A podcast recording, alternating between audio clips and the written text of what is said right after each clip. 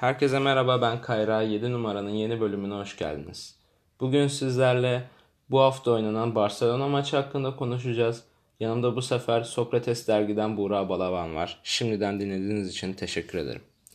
Son bir saniye. Kupa bizim. Kupa bizim. Kupa bizim. Bizim. Kupa bizim. Kupa bizim. Sevgili basketbol severler. Şampiyonu. Faal yapmadık. Şampiyonu. Faal yapmadık. Bir sayıyla Karaç kupasını aldık. İnanılmaz bir tablo var. İnan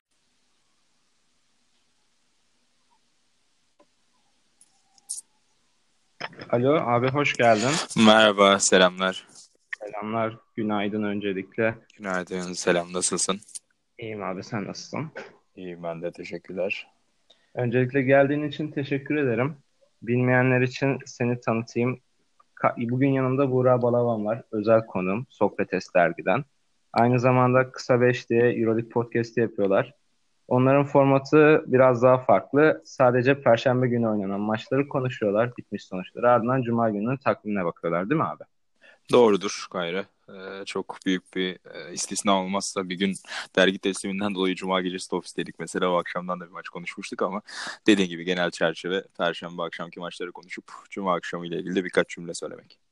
İstersen kendini biraz tanıtabilirsin.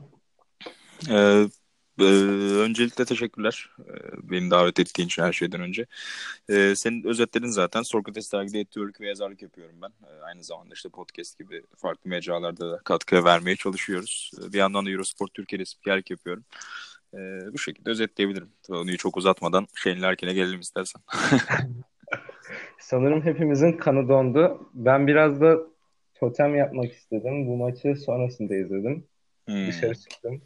Çünkü genelde böyle oturup izlediğim maçlarda Efes çok kötü kaybediyordu. Çok da Dedim kritik maçtı. çok da kritik maçtı. Belki de sezonun en kritik maçıydı. Ben de dedim ki bu sefer izlemeyeyim. Çünkü bir de geçen Barcelona maçını hepimiz biliyoruz son periyodu falan. 6 sayı Maalesef atmıştı. evet. Maalesef. O yüzden biraz mutsuz olmak istemediğim için maçı sonradan izledim. Bir yandan da içim durmadığından skorboarda bakıp duruyordum. İyice kötü oldum. Öncelikle tabii konuşmamız gereken koskoca bir Larkin var. Eurolig'in sanırım son 3 sezondaki en yüksek sayısı. Euroleague tarihinde de en çok atılan sayı rekoruna 4 sayı kalmıştı. 41 sayıymış rekor. Ne demek istersin Larkin hakkında? Ee, yani hakikaten uzun uzun belki tek bir podcast'i bile e, Larkin ayrılabilecek bir performanstı zaten. Ya ben salondaydım. Aa, maçında. E, aynen salondaydım ki 14 binin üzerinde bir seyirci vardı salonda. E, Sinan Erdem'de Efes'in arkasında bu kadar insanı görmek zaten çok farklı bir deneyim. Bunu birkaç maçta 14 bin civarında olmasa da 11-12 binlerde test etmiştik. O zaman da zaten takımın verdiği reaksiyon çok değişiyordu.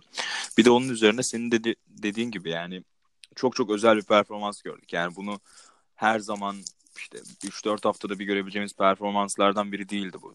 Bazen bir Euroleague sezonunda birkaç tane sığıyor Evet. bunlardan. İşte hala insanların aklında Bobby Brown'un attığı o 40 sayıya yakın miktar var. Tabii ki içinde bir Türk takımı olduğu için de insanların herhalde aklında kalıyor Fenerbahçe Siena maçından. Ama onun üzerinden çok uzun sezonlar geçti. Yanılmıyorsam 4-5 sezon geçti. Ona rağmen hala işte insanlar onu hatırlıyor. Hatta daha fazla yanılmıyorsam. Ee, ve Larkin o günkü performansı da Larkin'in Barcelona Lassa performansı da herhalde uzun uzun konuşulacak, uzun uzun hatırlanacak gibi geliyor bana. Sadece e, verim, sadece sayı, sadece skor anlamında değil o aura da aslında o deneyimi farklı noktaya götüren e, unsurlardan biri bence. Çünkü özetten ya da tekrardan bir daha izlediğinde sen de görmüşsündür. E, Larkin daha ilk çeyrekte oyuna girdikten sonra sol forvetten attığı o ikinci üçlüğünde dilini çıkarmaya başladı. Yani Larkin'in 30 attıktan sonra 25 attıktan sonra aslında o havaya girmemişti. Yani maçın başından zaten bazı şeyleri hissettiği çok aşikardı Larkin'in. Bir daha da arkasına bakmadı zaten. Çok çok özel bir deneyimdi. Ee, uzun zamanda hatırlayacağım herhalde. Muhtemelen birçok insan da benzer şeyler hissediyordur. Ya ben bu konu hakkında şöyle düşünüyorum. Şimdi Larkin takım kurulduğunda takımın lideri ve takımın ana oyuncusu olarak planlanıyordu. Herkesin kafasında da bu vardı. Zaten Ergin Ataman'ın da açıklamalarında şey geçmişti. Biz Miçic'i ikinci beşte savunma yapan guard olarak aldık. Fikri vardı. Doğru. Hani savunma yapan bir guard olarak Miçic'in çıkışı Larkin'in sakat gelmesi ve Avrupa'ya adaptasyonu biraz geç oldu. Bu yüzden bu ben bunu şeye kadar götürüyorum. Olympiakos maçına kadar götürüyorum. Fenerbahçe maçında her ne kadar takım dağılmış olsa bile. Takımda iki tane alfa kurt vardı. Yani iki tane ana kurt vardı. Bunlardan biri sektelediğinde diğeri geçiyordu. Ama birbirleri arasındaki ilişki çok sıkıntılıydı. Ben bu maç hani şey koyuyorlar biraz Olympiakos maçına koyuyorlar ama ben bu maç şeyi koymak istiyorum. Bu maçın son anında sanırım evet son 15 dakika saniyede top Efes'teydi. Efes oyun oynamadı saygıdan Doğru. ötürü. Larkin arkada ilk sarıldığı kişi Larkin'in şey oldu, Miçic oldu. Biraz da bu hani insanların beklediği Sokrates'te şey röportajında da belliydi zaten. Miçic'in röportajında evet, da. Uğur Ozan Sulak yapmıştı. Evet, evet. Oradan belliydi. Onun dışında ben Larkin hakkında şunu demeyi istiyorum. Bu maça girerken zaten havayı alarak girdi. Bir de bu iki alfa kurtun olması bazen arasındaki rekabet Efes'in işine çok yarıyor. Mesela bu maç Miçic başladı ilk beşte. Larkin başlamadı. Geçen maçta Larkin başlamıştı. Miçic başlamamıştı. Bu ikisi arasındaki rekabetten de biraz birbirlerini motive ediyorlar bu sayede. Ama evet. onun bu motivasyonun da ötesinde bir şey. Hani baktığında sadece highlight olarak izleyince bile çok farklı oluyor. Ki Efes'in çok fazla hücum silahı olduğundan mesela sen bunu hafta sonu Twitter'da yazmıştın. James Anderson highlights Fenerbahçe karşı. evet o hafta sonu lig maçında da o çıldırmıştı. Evet yani. Bu maç mesela yok gibiydi sayı anlamında ama hani Anderson konusunda şey düşünüyorum ben. Anderson'ın sahada kötü bir halde olması bile Efes'in bazı sorunlarına şey veriyor. E, çözüm buluyor. Çünkü rebound alabiliyor bir nebze. Hı hı. O yüzden. Savunmada güçlü kalabiliyor. Ee, evet Anderson'dan bahsetmişken onunla ilgili de bir şeyler söyleyelim. Evet yani ilginç bir aslında karakter James Anderson. Yani sezondan sezona ya da takım içinde bulduğu rolden role bir gözünüzün önüne getirdiğinizde performans çok değişken olabilen bir oyuncu James Anderson. Yani kimi sezonları harika görünen işte Jalgiris sezonun birçok insan hatırlıyor yanılmıyorsam. Evet. Ee, ama bazen de işte beklentilerinin altında kaldı. Mesela kimki sezonun için insanlar genelde çok iyi hatıralar biriktirmiyorlar. Hal böyleyken yazın yapılan o transfer birçok kişi için yani ne gerek vardı işte tam bir Efes transferi sırf isim için alındı gibi yorumlar vardı hatırlarsın evet, sen evet, de. Abi.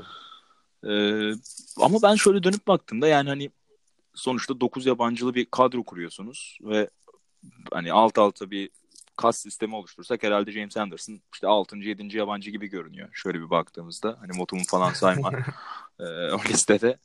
Şimdi öyle bir transfer yaparken yani 7. yabancılar zaten kimi alabilirsiniz ki? Yani hangi seviyede nasıl bir oyuncu, nasıl bir bütçe planı yapıyorsunuz da hani Anderson'ı beğenmiyorsunuz gibi bir düşünce vardı açıkçası. Ki bunu da görüyoruz. Yani bir de şöyle bir özelliği sanki gözüme çarpıyor. İyi de bir karakter. Yani hani bir şikayet ettiğini görmüyorsun. Çoğunlukla onu lig rotasyonlarında pek kullanmadı Ergin evet, Ataman. Evet. Hatta geçtiğimiz hafta sonu o lig maçında oynatmasının sebebi olarak da Fenerbahçe'ye karşı Simon bir önceki günkü antrenmanda bileğini burktu dedi basın toplantısında. Evet. Ee, ben de riske etmek istemedim. Hazırdı ama Simon'u hani Barcelona maçını düşünerek riske etmek istemedim.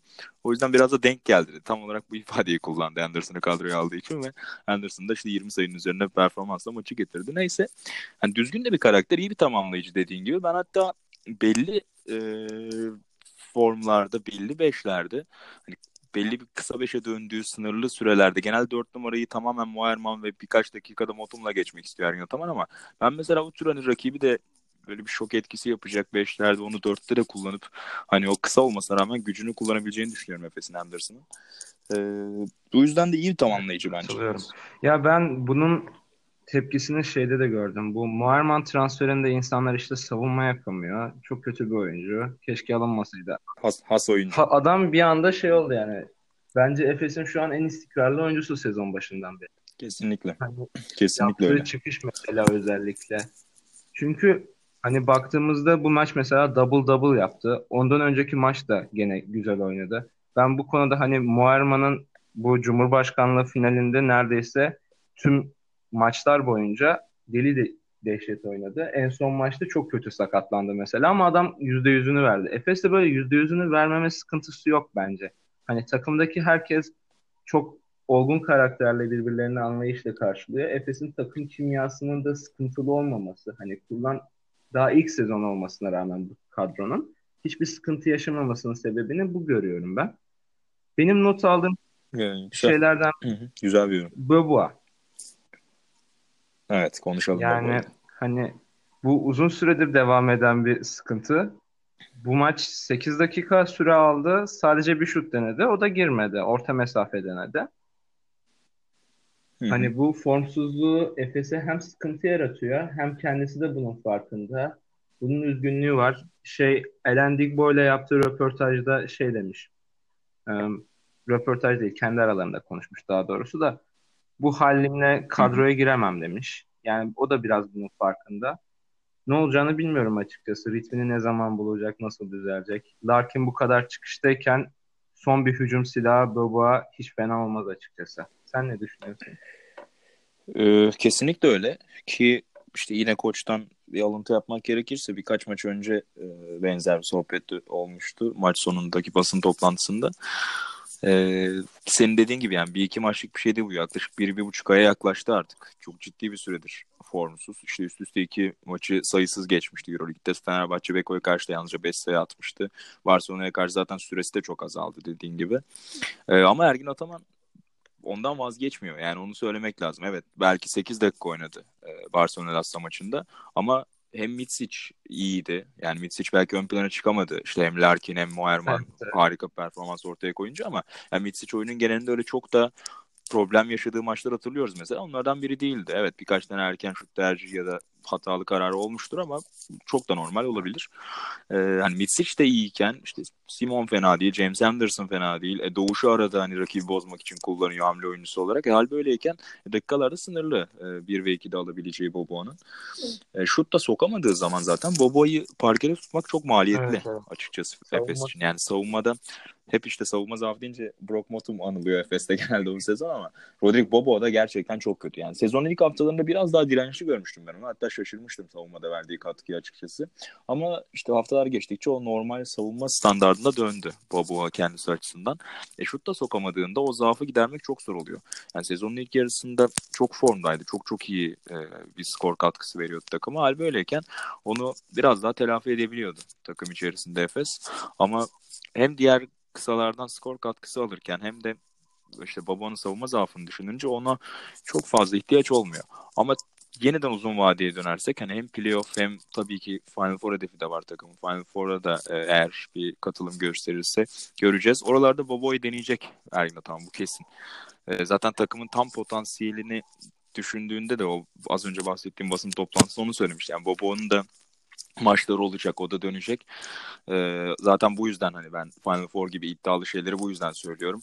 Bu potansiyeli gördüğüm için söylüyorum dedi. O yüzden hani bir kenara atacak gibi görünmüyor. Bu maçtan öyle bir çıkarım yapanlar varsa e, bence olmayacak. Ben de bu konuda sana katılıyorum ama hani şey konusunda biraz sıkıntılıyım açıkçası. Efes'in Final Four konusunda bu maç evet çok güzel bir galibiyet aldı. Puan anlamında arada bir maç fark var. İstersen fikstürlere bakalım. Demek istediğimi anlarsın. Barcelona'nın Fenerbahçe, Gran Canaria, Bayern Münih, Budućnost ve Kimki maçları var. Bunlardan. Barcelona'ya sıkıntı yaratacak bir Fenerbahçe maçı var. Rekabetçi geçecek bir Bayern Münih maçı var. Onun dışındaki 3 takım da artık havlu attı. Yani. Doğru. Efes'in biraz daha sıkıntılı. Maccabi, CSKA, Evet. Budućnost, Baskonya ve Milano var. Şimdi Evet, Maccabi, fikstür. Baskonya ve Milano playoff potasında. CSKA Final Four istiyor. Budućnost hani zaten havlu attılar lige. Artık biraz daha gurur galibiyeti dediğimiz hani biraz daha galibiyet alalım kafasındalar. Sezon boyu böyleydiler zaten. Ben böyle bakarken Hı hı. ev sahibi avantajının Barcelona'ya geçmesinin biraz Efes için sıkıntı olacağını düşünüyorum. Sen ne düşünüyorsun bu konuda? Tabii ki yani e, Barcelona'da Efes'te aslında potansiyeli yüksek takımlar ama bir yandan da işte Real, CSKA, Fenerbahçe, Beko katına e, istikrar anlamında yakın olmayan takımlar. İşte Barcelona'nın geçtiğimiz bir, bir buçuk ayda oynadığı basketbolu hatırlıyorsun. Sonrasında Sinan Erdem'deki o birkaç gün önceki dağılışlarını hatırlıyorsun. Aradaki o standart sapma çok yüksek. Keza bunu Efes'te de gördük. İşte sezonun ilk iki ayındaki harika performans ya da e, geçtiğimiz cuma günü izlediğimiz o müthiş basketbolu evet hatırlıyoruz ama öncesindeki e, maçlara da dönüp baktığımızda işte Panathinaikos mağlubiyetinde hiç sahada olmayan bir takım ki Pana çok iyi bir döneminde değildi o maça çıkıldığında o. Ya da işte Fenerbahçe Beko'ya karşı yine hiç varlık gösteremeyen bir Euroleague maçı. Hal böyle olunca e, işte aradaki farklar çok minik olabiliyor bu takımlar hakkında. Yani ve günlük performanslar, iç saha performansları çok büyük değişkenlik yaratabiliyor. O yüzden de dediğim gibi yani 4-5 eşleşmesinde ev sahibi avantajının kimde olacağı 5 maçlık bir seriden bahsediyoruz hali hazırda. Çok çok zor olacak hakikaten. Çok belirleyici olacak. Yani Efes'in işte kendi iç sahasında playoff'ta da yine Cuma gördüğümüze yakın bir atmosfer olacağını tahmin etmek mümkün. Normal sezon maçında böyle bir kalabalık geldiyse playoff'ta da çok büyük ihtimalle yine kalabalık 10 binin üzerinde izleyici olacak. O atmosferde Efes başka bir basketbol oynayacak ama iç saha maçlarını işte Palau Blaugrana'da oynarsanız eğer ilk iki maçı oradan atıyorum olası bir 0-2 ile gelirseniz işler evet. çok daha sarpa sarabilir tabii. Peki bir şey soracağım. Maçta 14 bin kişi geldi dedin. Üst tarafları açtılar mı Sinan Erdem'de yoksa? Evet açtılar. Aa, evet. Bilmeyenler için açıklayalım. Ee, geçtiğimiz yıl özellikle hani, takım da kötü gittiği için taraftar ortalamaları düşüktü. Bu yüzden Dandolo Efes 15 bin kapasiteli Sinan Erdem Spor Salonu'nun en üst e, katlarının yan taraflarını yani parkeyi yandan gören iki tarafını perdeyle kapatıyordu. Oraya bilet satmıyordu. Zaten hani belli noktalarda toplanılıp daha kalabalık hani bir tribün atmosferi yaşanması açısından. Ama bu sezon her geçen hafta taraftar miktarı arttığı için e, uzun bir süredir sadece o maçta değil e, bir süredir bu tür bilet satışları, bilet talepleri. Evet evet o, o da öyleydi yanılmıyorsam. Yani tek tek maç maç aklımda yok ama birçok maçta üst katların açıldığını görmüştük. Ee, bu maçta da açıktı. Bayağı da doluydu. Bu şeyde çok yaygın zaten. Avrupa'da çok yaygın olan bir şey. NBA'yi sürekli takip eden bir arkadaşım söyle, sormuştu. Niye Euroleague salonları çok karanlık gözüküyor diye. Genelde takımlar üst tarafları kapatıyorlar salonlardaki. Biletleri evet. çıkarmıyorlar. Onun dışında maça geri dönelim. Hani Tamam. Ben bu konuda biraz şeyim hani bu maç Barcelona'nın düştüğü bir maç olduğu için hani her ne kadar çok güzel bir galibiyet aldı Efes hani maçın tekrarını izlerken bile mutlu oldum böyle yüzüm gülüyordu ama şöyle bir şey var. Hani baktığımızda Efes'in sıkıntıları hala duruyor. Barcelona'nın sıkıntıları hala duruyor. Ben hani bu maçta Efes'in o kadar da iyi bir savunma yaptığını düşünmüyorum açıkçası. Özellikle 3. periyodun başındaki durumdan ötürü. Sen ne düşünüyorsun bu konuda? Ee, üçüncü çeyreğin başı belki o ilk 4-4,5 dakikayı ayrı konuşmak lazım. Orada e, çok başka bir bölüm vardı hakikaten. E, ama maçın genelindeki savunma hakkında açıkçası ben bir zaaf görmedim. Yani çok kötü e, bir savunma ortaya koyduğunu düşünmüyorum Efes'in. Ama şunu söyleyebilirim mesela. İlk yarıda özellikle gerçekten çok kötü şut attı Barcelona Lassa. Yani hani kendi standartlarının çok çok altındalardı. O anlamda mesela sana katılabilirim. Çünkü hani o kadar fazla boş şutu genelde kaçırmaz Barcelona Lassa yani. Ya %13 de attılar zaten. O aynen çok denk gelecek bir aslında durumda. Ya, tabii ki atmosferin, ambiyansın, o coşkunun da etkisi var bunda elbette. Ama şaşırmazdınız. Yani o birçok boş üçlükten 2-3 tanesini soksalar ve maç çok daha dengede gitse ilk yarının sonunda çok şaşırmazdınız açıkçası. O anlamda katılabilirim sana. Ama ben hani çaba olarak, enerji olarak e, bir zafiyet görmedim Efes savunmasında. Üçüncü çeyreğin başına ayrı konuşalım. İstersen girizgah sen de yapabilirsin orayla ilgili. Efes ee... maça hani bir ilk başında maç Barcelona önündeydi. O da bir dakikadan kısa bir süre sürdü. Sonrasında Efes hı-hı, maçı hı. öne aldı.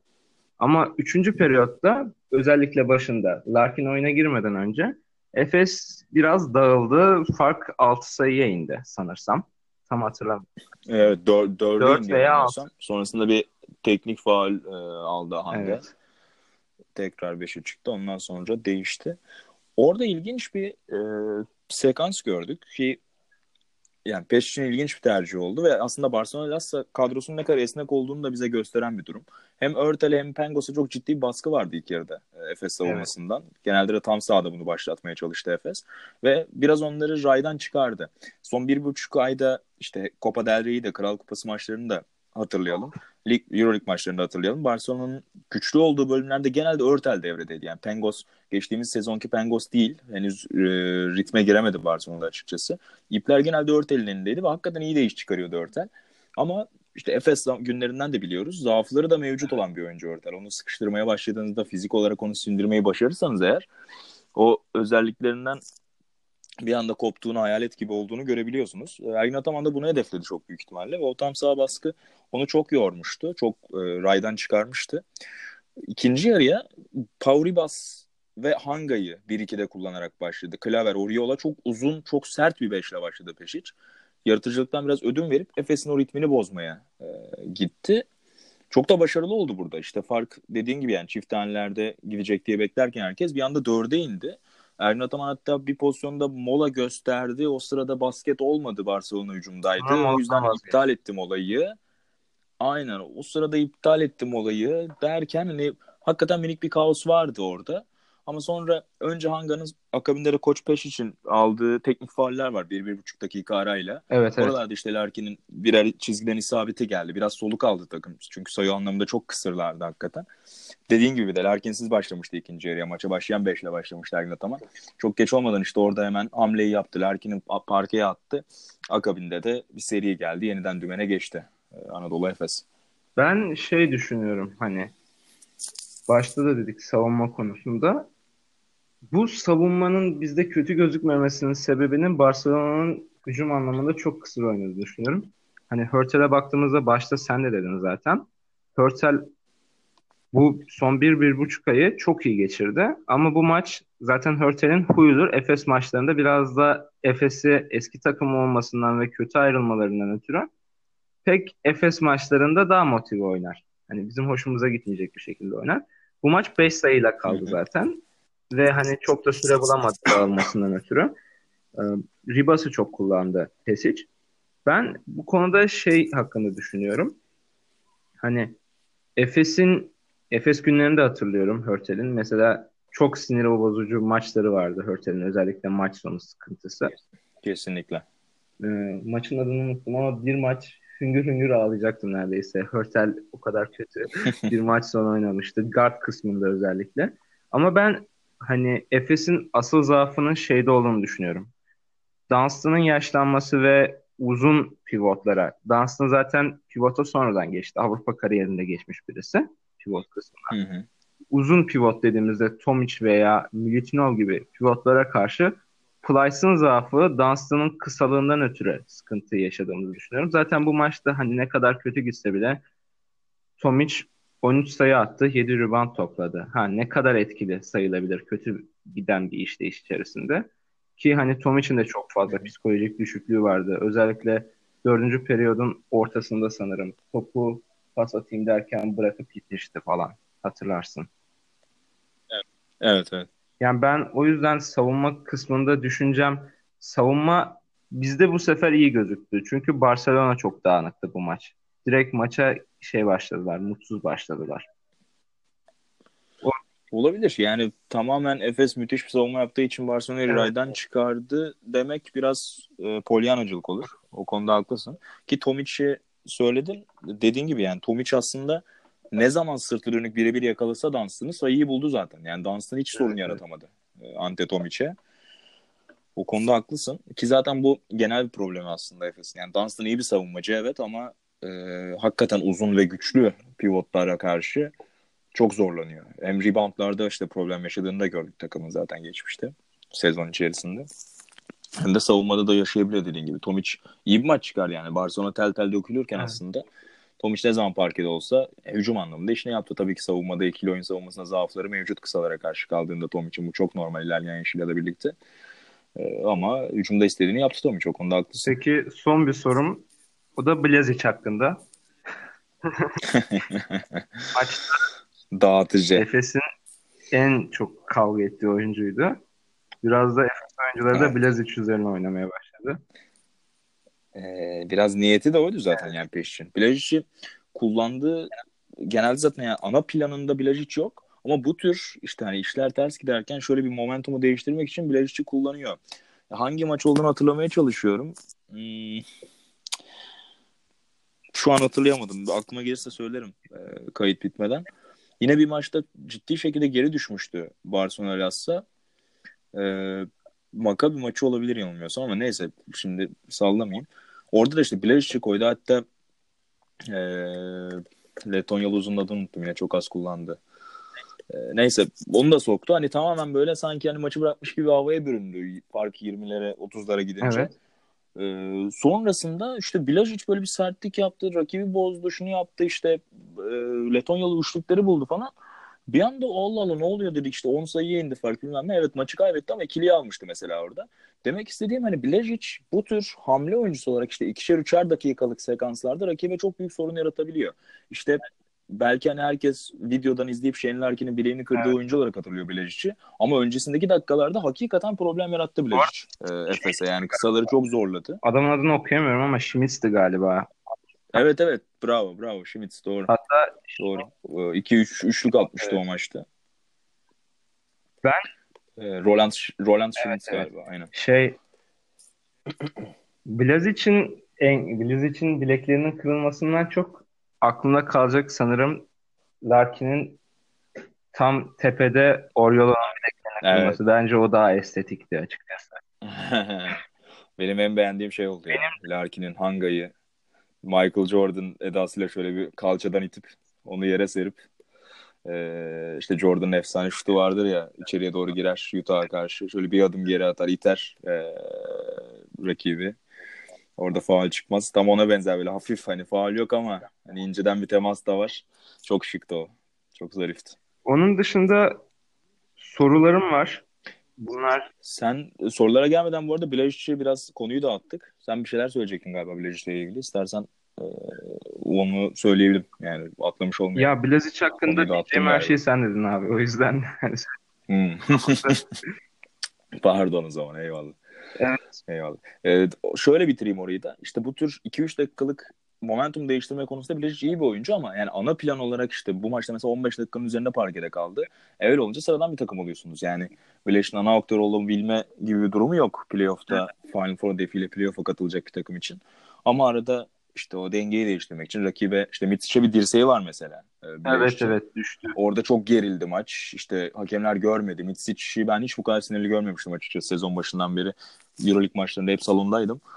Ee, yani belli oldu orada zaten. Tam pozisyonun başına görememiştim ne olduğunu ama Mitsic'in suratındaki o ifade, o kızgınlık çok kötü. Hatta gidip Bileş'e şey dedi yani hani ne, neden bilinçli hani buna gerek var mı gibi bir şeyler söyledi yani. Singleton yani, saldırmak yerine. girdi araya hatta. Aynen, aynen öyle. Aynen öyle. Ee, uzaklaştırmaya şey, çalıştılar onu. hatta Mitic tepkisini. Mitic teknik yedi evet. ilginci. Ee, işte Efes bence de hani hakemlere ekrandan izleyin gibi bir şey yaptı ama e, hakemler rol olmadı. Neyse dedi yani o tür sertlikler şunlar bunlar sağ dışı işlerle Blažić önemli bir parça olabilir mesela. Playoff serisinde bir maçın seyrini değiştirebilecek bir oyuncu baktığında. Ama tabii ki süreleri herhalde bir 10 dakikanın üzerine evet, çok çıkmamalı. Özetle. Sorulara gelelim. Bunu ikili oyun Telegram grubundan aldım. Aslında soruyu tamam. söyledik ama çok tekrardan konuşalım. Hı. İsmail Çıtır'ın sorusu. Efes neden bu kadar iniş çıkışlı oynuyor? Ya Efes hala yeni bir takım ya. Yani hani hakikaten bunun değeri bilinmiyor. Şimdi Efes'te ya da genel lig, ligde diyelim. İlk üç sırada kimler var? İşte Fenerbahçe Beko var, Real Madrid var, CSKA Moskova var. Yani bu iskeletler zaten hakikaten uzun sürede birlikte oynayan iskeletler ve işte mesela Ceska sezona çok kötü girmişti. Ama bir şekilde galibiyetler geliyordu yine değil mi? Yani bir şekilde alıyorlardı. Evet belki beklenenden daha fazla maç kaybetti Ceska kadrosu. Ama işte bir noktada ana yıldızlar Rodriguez'de De Colo çok formda değilken işte mesela Higgins devreye giriyordu. Clyburn çok iyi bir sezon özellikle ilk yarısını geçirmişti. E, hal böyleyken o hani oturmuş olma durumu çok önemli. Yani Efes'te özellikle sezonun ilk yarısındaki e, iniş çıkış durumu ilk 20 haftayı hatırlayalım. Şundan kaynaklanıyor yani sahada dönüp sıkıntı yaşadığınız anda topu kime emanet edeceğiniz bir problemdi. Yani Mitsic takımın daha iyi performans gösteren oyuncusuydu. Daha yıldızı o gibiydi. Ama bu tür anları çok fazla birinci e, görev adamı olarak, birinci oyuncu olarak oynamamış bir oyuncuydu. Ve kriz yaşadığı anlar oldu. İşte Olympiakos maçı herkesin aklında, Real maçı yine akıllarda. Larkin çok formda değildi. Babua zaten ritim şütörü ve bunları kaçırması çok da normal. Kaçırabiliyor. Moerman, Dunstan hepsinde yani kim alacak diye böyle bir telaşla herkesin birbirine bıraktığı, birbirine baktığı ve o birkaç dakikada maçın koptuğu anlar görmüştük. Ee, hal böyleyken hani yavaş yavaş Larkin'in bu anlamda evet ben güvenilir bir elim mesajını da son 4-5 maçta vermesi bu anlamda da önemli bence Efes için. Yani işler artık sarpa sarmaya başladığında herhalde herkes e, şöyle bir bakacak. Larkin'e topu evet. teslim edecek. En azından çizgiye gelmesini bekleyecek. Bu da bence o istikrarsızlığı biraz azaltacaktır önümüzdeki dönemde. Bana öyle Ya geliyor. ben şu konu hakkında açıkçası şöyle düşünüyorum. Eurolig'in sıralamasına baktığımızda Fenerbahçe, CSK ve Real Madrid'i ben de senin gibi ayrı bir kulvara sokuyorum. Hani mesela şöyle söyleyelim. Az önce Clyburn'dan bahsettik. Clyburn Darüşşafaka'dayken mesela takımın ana yıldızı dediğimiz oyunculardan biriydi. Yani orta takımların yıldızı olabileceği çok fazla oyuncuya sahip mesela CSK. Aynı şekilde Kesinlikle. Real Madrid o meşhur kadrosunu koruyabilmek için hani şu an bu o istatistiğin doğru olduğunu düşünüyorum. Lemeg'in yayınladığı Euroleague takımlarının bütçesi diye. Bütçe evet. ee, yani belli sapmalar olduğu söyleniyor ama genel fikir vermesi açısından. Yani mesela oyuncularını tutmak için NBA'ye veya başka bir yere kaptırmamak için çok fazla para ödedi Real Madrid de aynı şekilde. Fenerbahçe'nin bütçesi her ne kadar ona göre düşük olsa bile mesela Barcelona'nın daha yüksek. Orada mesela Hı-hı. atıyorum Sulukas, Veseli veya Kalinic başka bir takımda ana oyuncu. Zaten ana oyuncular da. Hani başka bir takımda daha fazla rol alabilecek oyuncular. Efes hem bütçe anlamında biraz daha düşük bir takım. Tam bir şey bu. Ürün kalitesi hani fiyat kalite performansı olarak en yukarıda bence. Kesinlikle öyle. Hani Barcelona ile arasında bütçe olarak çok büyük farklar var mesela Barcelona'dan önde. Aynı şekilde Baskonya'da mesela şeyi Şengeli'ye tutmak için ha bütçe olarak sanırım Şengeli'ye CSK'dan daha az fiyat teklif etmişler ama bir şekilde gene şey yaptılar. ikna ettiler. Mesela Vildoza ile 3 sene imzaladılar bu hafta içi. Evet yenilediler evet, evet. Yani baktığımızda bu playoff contender takımlar arasında, rekabetçi takımlar arasında fiyat performans eşiği çok yükseldi. Zaten bu bu sezonun biraz sihri oldu. Hani baktığımızda Moerman çok güzel bir çıkış yakaladı. Mitch çok güzel bir çıkış yakaladı. Ben Simon'a geçen sene de böyle olduğunu ama o zehirli ortam içerisinde yok olup gittiğini düşünüyordum. O yüzden bir şey diyemeyeceğim. Doğuş Balbay mesela bana kalırsa Avrupa'da oynayan Türk rotasyonundaki en iyi guard oldu. Hani hem şutunu geliştirdi yine bize ölçüde. Hem zaten kendisini istediği kadar verebiliyor. Ha, belki Melih olabilir. İkisinin arasında kalabilirim. Onun dışında ee, yani ben herhalde Doğuş'u düşünmeden ben yazarım. Doğuş'u o iki, ikili, ikili arasında. Çünkü bu sezon hakikaten e, yaptığı etki çok büyük Doğuş'un. Çok konuşulmuyor belki ama. Hani bir anda her maçta belli bir 20 dakikası olmadığı için kim maçlarda mesela işte 4-5 evet. dakika oynayıp çıkıyor genelde diğer kısalar formdaysa. Hani bir anda ama e, onun dışında gayet iyi. Bir anda Efes sihirle ben bunu hani böyle diyorum. Bir anda her şeyin birbirine oturmasıyla bu kadar yükseğe çıktı ve bu sırada sıkıntı yaşaması normal. Takımın bence asıl olayı Larkin büyük ihtimalle seneye NBA yolcusu olacak.